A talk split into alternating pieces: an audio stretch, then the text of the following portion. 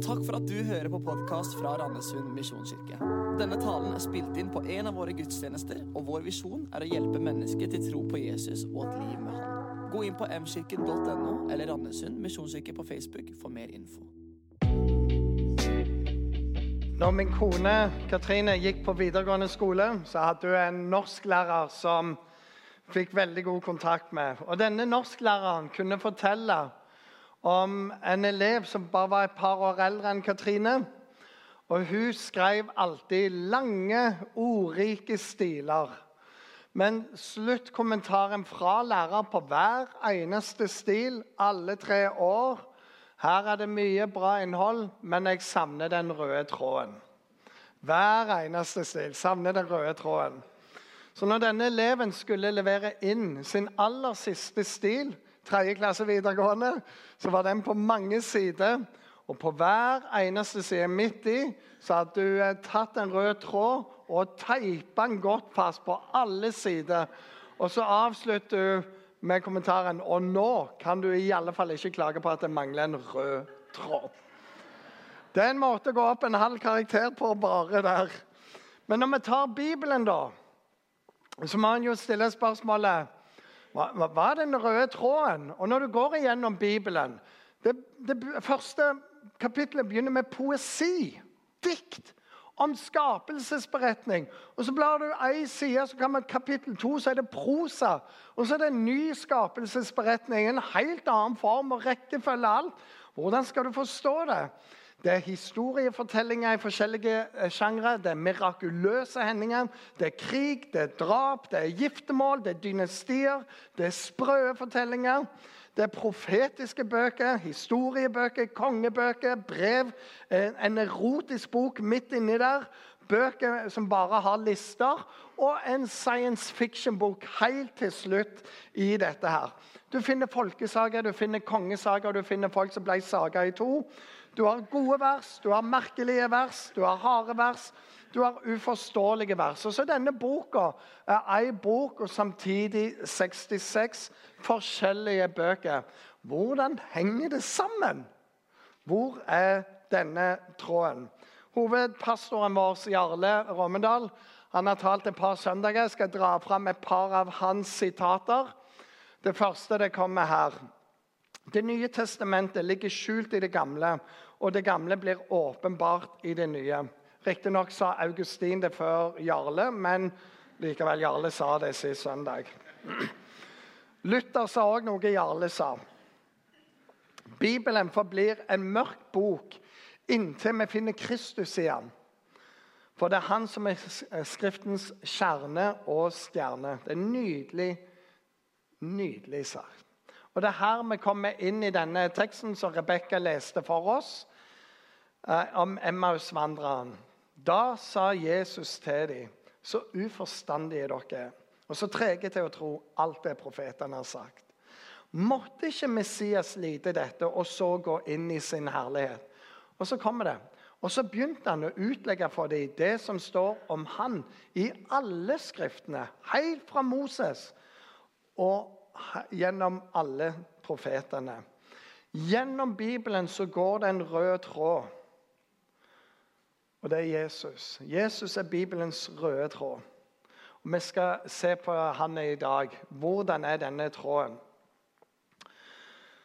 Og dette her jeg har tatt med meg litt sånn, bare for dere skal klare å forstå det. Her oppi er det 300 røde tråder. Og det er pga. dette. Jesus han oppfyller over 300 profetier i Gamle testamentet. Det er ganske så mye. Og dette er ikke bare en som satt og ramste opp masse ting, men det er forskjellige røster, forskjellige måter. Gjennom 500 år har det vært profetert om Jesus i Gamle testamentet. 29 av de profetiene handler om lidelsen og døden. Det var én dag, dagen han døde, så oppfylte han 29 profetier. Og det er umulig å kalkulere for en person hvis jeg tenkte oi, 300, jeg skal klare alt det. For noe handler om før han ble født, når han ble født, rett etter han ble født. Det kan du ikke kontrollere. Og det som skjer etter du dør, kan du heller ikke kontrollere. Men Jesus han oppfylte alle. I Nytestamentet, den første boka, den heter Matteus evangeliet. Det er skrevet av en som var en toller. Tollere det var quislinger. Altså, det var landsforræderne. Det var det verste avskummet som fantes. Et evangeliet skrev en av dem fordi han fikk et møte med Jesus som forandra hele livet hans. Og denne Matteus han var nok ganske så smart i hodet. Var litt akademiker og var litt ingeniør. For gjennom hele Matteus evangeliet så vil du finne Og på den måten ble det skriftet oppfylt. Og på den måten så oppfylte Jesus det. Og grunnen til det skjedde, var at det sto i de gamle skriftene. Om og om igjen så dokumenterer han bare at Jesus er Bibelens røde tråd. GT peker fram på Kristus. Og I dag så tenkte jeg at eh, jeg skulle gå gjennom fire kapitler av det, og så ble det litt for mye. Men som jeg tar to ifra han. Og Det første som er med Matteus, er at han begynner med etterlistene, bare for å plassere all historikk. Og så går han inn. Så var det ei jente som het Maria. Hun var en jomfru. Og hun skulle bli med barn. Josef forsto ingenting. Og så kommer en engel til han, og det er denne teksten her. Uh, han har møtt dette, og så skriver Matteus Alt dette skjedde for at det ordet skulle oppfylles, som Herren hadde sagt gjennom profeten. Se, jomfruen skal bli med barn og føde en sønn, og de skal gi ham navnet Immanuel. Det betyr Gud med oss. Så jeg har tatt med denne nydelige liksom-bibelen som barnepastor Torunn har lagd. Oppi her så legger vi en rød tråd. Dette er fra Jesaja 7, det som står på skjermen. Og så kjenner vi til at det kom tre vise menn for å hylle dette barnet. De hadde sett stjernene gå opp, og de hadde tydet det er noe som skal skje. Det er en konge som skal bli født. Og de rir inn og møter kong Herodes og, og spør han, hvor er dette barnet som skal bli konge. Og Da sier kong Herodes Han kalte kong Herodes alle, sammen alle overprestene og folket skriftlærde og spurte de om hvor Messias skulle bli født. I Betlehem i Judea, svarte de. For det står sånn skrevet hos profeten.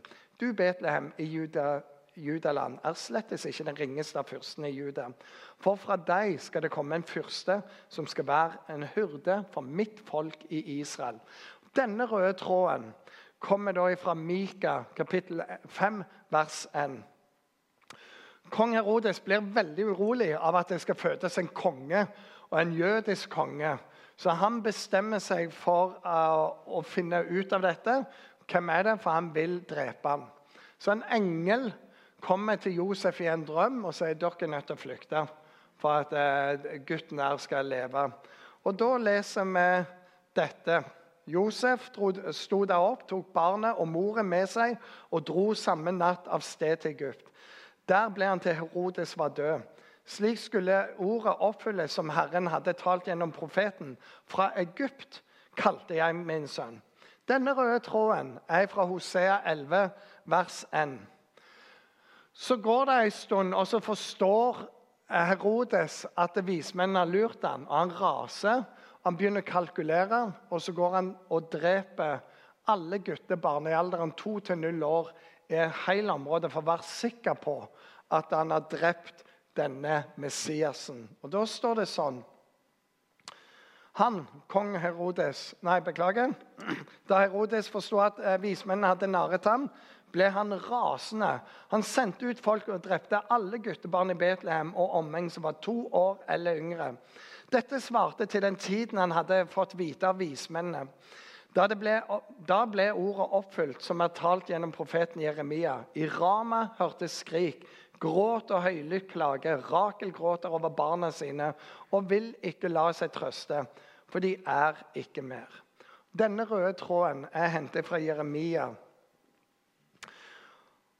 og så dør han, og så finner Josef ut det, så han reiser tilbake til Israel. Men når han kommer tilbake, så har han sønnen til Herodes overtatt. Så han våger ikke å bosette seg der og reise en annen plass. Og da står det sånn. Men da han fikk høre at Arkelaos var blitt konge i Judea etter sin far Herodes, våget han ikke å slå seg ned der. Han ble varslet i en drøm og dro til Galilea. Da han kom dit, bosatte han seg i en by som het Nasaret Slik skulle det ordet oppfylles som er talt gjennom profetene, at han skulle kalles en nasareer. Nok en rød tråd. Denne henter jeg fra Dommernes bok. og alt peker Enda en rød tråd. Det er helt vanvittig med røde tråder her. Og så kan vi si Dette er kun to kapittel i Matteus evangeliet. Og Han fortsetter bare å dokumentere og dokumentere og dokumentere at GT peker fram på Kristus. Men for å oppsummere litt En jomfru blir med barn. Det er ganske vanskelig å få til i utgangspunktet alene. Og Hvis vi holder dette barnedrapet utenom, så er det et barn født i Betlehem henta fra Egypt og kalt en nazareer. Det går ikke sammen, egentlig. For det er tre forskjellige ting. Men så ser vi jo Gud vever dette sammen. Så profetiene, når vi ser tilbake på det, sier ah, sånn henger det sammen. Og gjennom Bibelen så får vi da over 300 sånne tråder, som er bare profeti etter profeti, som oppfylles gjennom Jesus. Så Bibelen er full av dem. Og nå skal vi trylle litt, herrene. Det er skikkelig barneopplegg i dag. Og trylleformen heter jo hokus pokus filiokus. Og hokus pokus det kommer jo fra nattverdsinnstiftelsen. Visste dere det? Det er utrolig bra. Innstiftelsesordene som fins i den eukaristiske bønnen, som alle kjenner så godt. På latin 'hoc est corpus'. Hokus pokus. Og så la de seinere til filiokus. Og Dette ordet filiokus kommer fra den utrolig kjente Nikens konstantinopelianske trosbekjennelse. Jeg har øvd mer på den på hele talen. Og Det var en sånn strid der om du kunne ha med Den hellige ånd, filico. Så da ble det hokus pokus filiokus. Så du tar alle disse, rører de sammen, og så får du en lang rød. Har du sett? Det er helt utrolig. En eneste lang rød tråd. Wow! Det er helt sykt. Ut av dette her har ingenting med det at den lå der oppe fra før av. Ok, Så hvis vi da tenker at det er en lang rød tråd gjennom hele Bibelen her, og Det er bare et bevis på hele gulvet. og Det er ikke jeg som skal rydde i dag. Så det er veldig bra. Så er det noe med de profetiene, men det er òg en del andre sånne tråder som går på kryss og tvers, som peker på Jesus. GT peker framover. Og eh, vi finner dette med en fyr. Vi må bare se hvor vi er.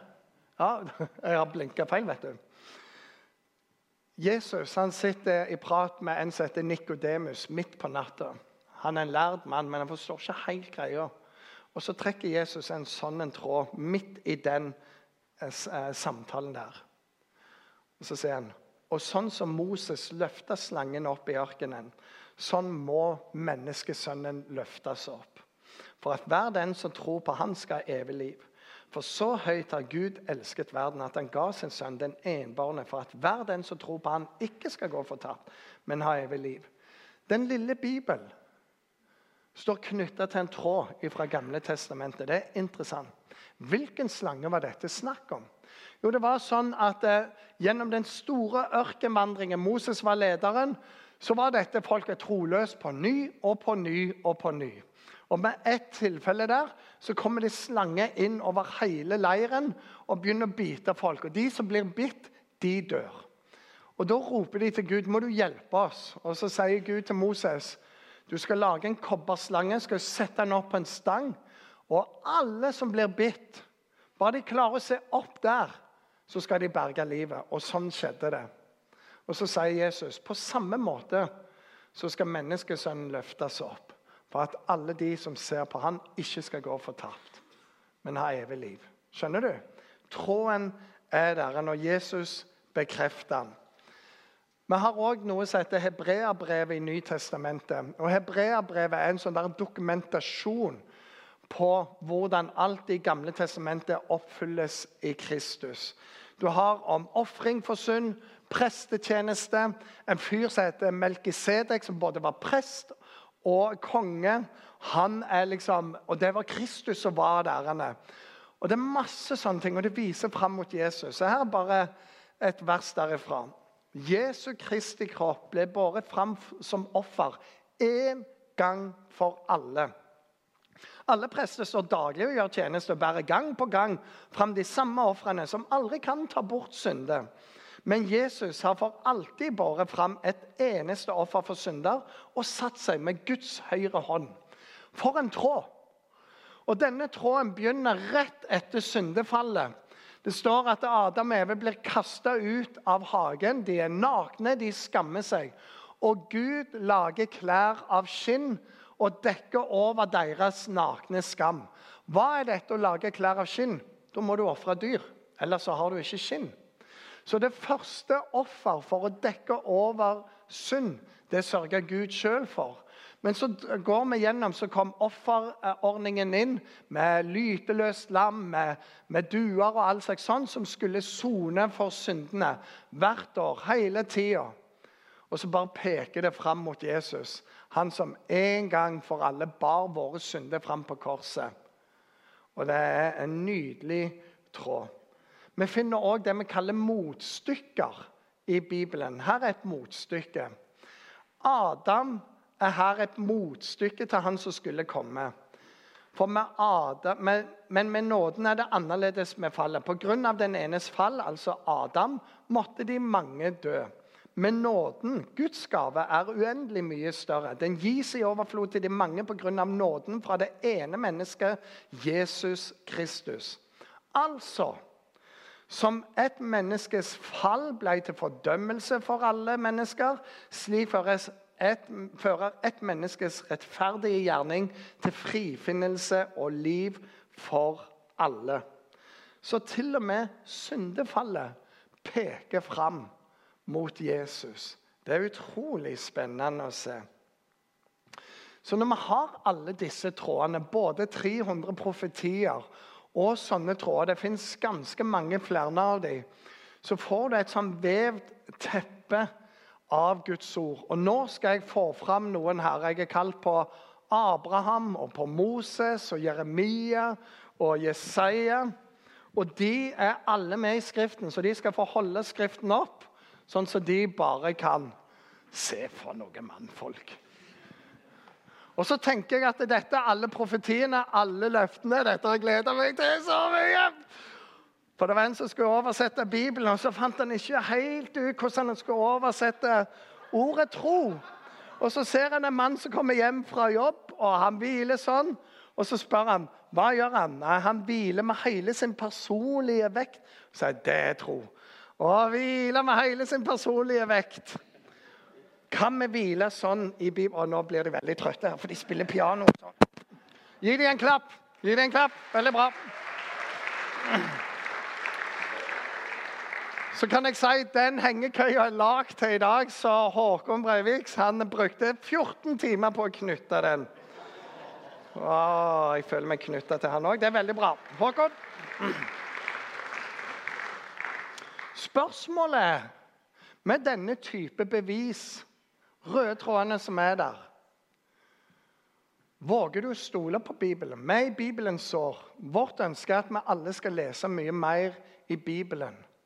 Og Her er grunnen. Det står i Bibelen sjøl. Hver bok i Skriften, altså i Bibelen, er innblåst av Gud. Gud har pusta det inn. Og sånn, ja, det er skrevet av ulike mennesker, ulike tider, men det er innblåst av Gud. Noen har ført det i pennen, men det er en større penn som står bak hver eneste skrift i Bibelen. Og Det tror vi på. Og så Se hva det står. Bibelen er nyttig til opplæring. Bibelen er nyttig til rettevisning, veiledning og oppdragelse i rettferd. Neste søndag skal jeg snakke om dette. Bibelen i hverdag. Hvordan ser det ut? Hvordan lærer vi? Hvordan får vi til rettevisning? Hvordan veileder Bibelen vår? Hvordan oppdrar Bibelen oss? For han gjør det hvis vi lar den være åpen og lese og lar det tale til oss. Og så står det så det mennesket som tilhører Gud, kan være fullt rusta til all god gjerning. ikke det bra? Tenk at du kan det. Være fullt rusta til all god gjerning. Fordi du lar Bibelen få lov å tale til deg, og du våger å hvile med hele din tyngde på dette. Så vi tror på dette.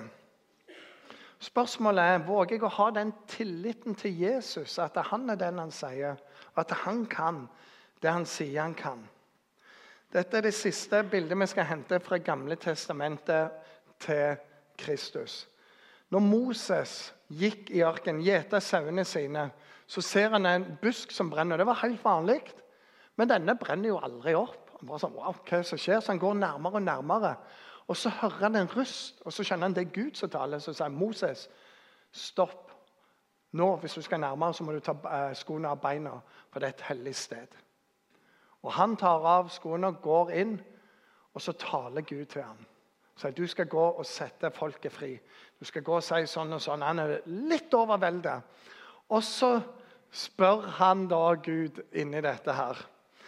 Da sier Moses til Gud eh, Sett at jeg går til israelittene og sier til dem deres fedres Gud har sendt meg. Og så spør de eh, ja, hva er hans navn. Hva skal jeg svare dem da? Gud svarer Moses. Jeg er den jeg er. Veldig bra, tenker han inni seg. Det var veldig bra. Og så sier han sånn skal du svare israelittene. Jeg er har sendt meg til dere. Jeg er. Gud er alltid. Han begynte ikke, han slutter ikke, han forandrer seg ikke.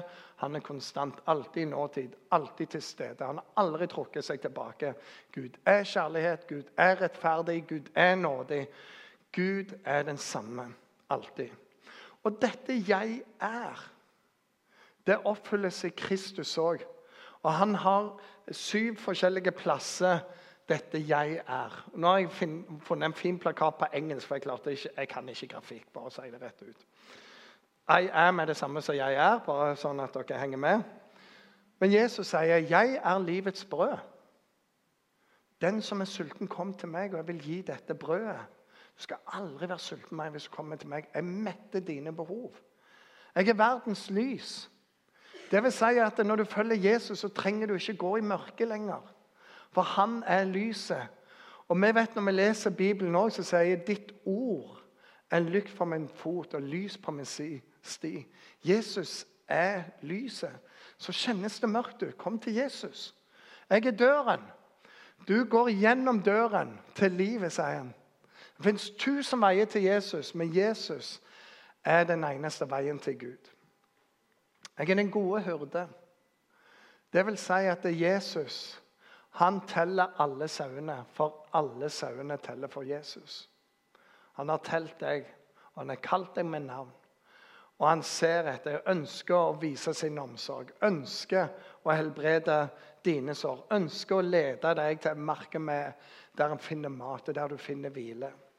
Men da må han få være hyrden din. Han er oppstandelsen. Døden kunne ikke holde han.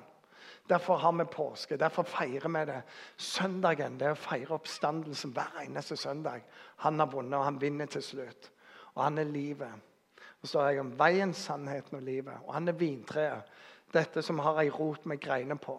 Som forteller oss at når vi blomstrer, så er det fordi vi er podet inn i ham. Vi henter kraften ifra Kristus. Alt dette er oppfyllelse av andre Mosebok. der Moses får høre 'Jeg har sendt deg'. Det er Jesus. Og Jesus svarer ut ifra dette sjøl. Før Abraham var, er jeg. Det er Jesus sine ord. Så Jesus han er den røde tråden igjennom Bibelen. Vi kan hvile hos han og hvile på ordet. Og så sier han, når dere ber, be i mitt navn. Alt dere ber om, skal dere få av min far i himmelen når dere ber i mitt navn.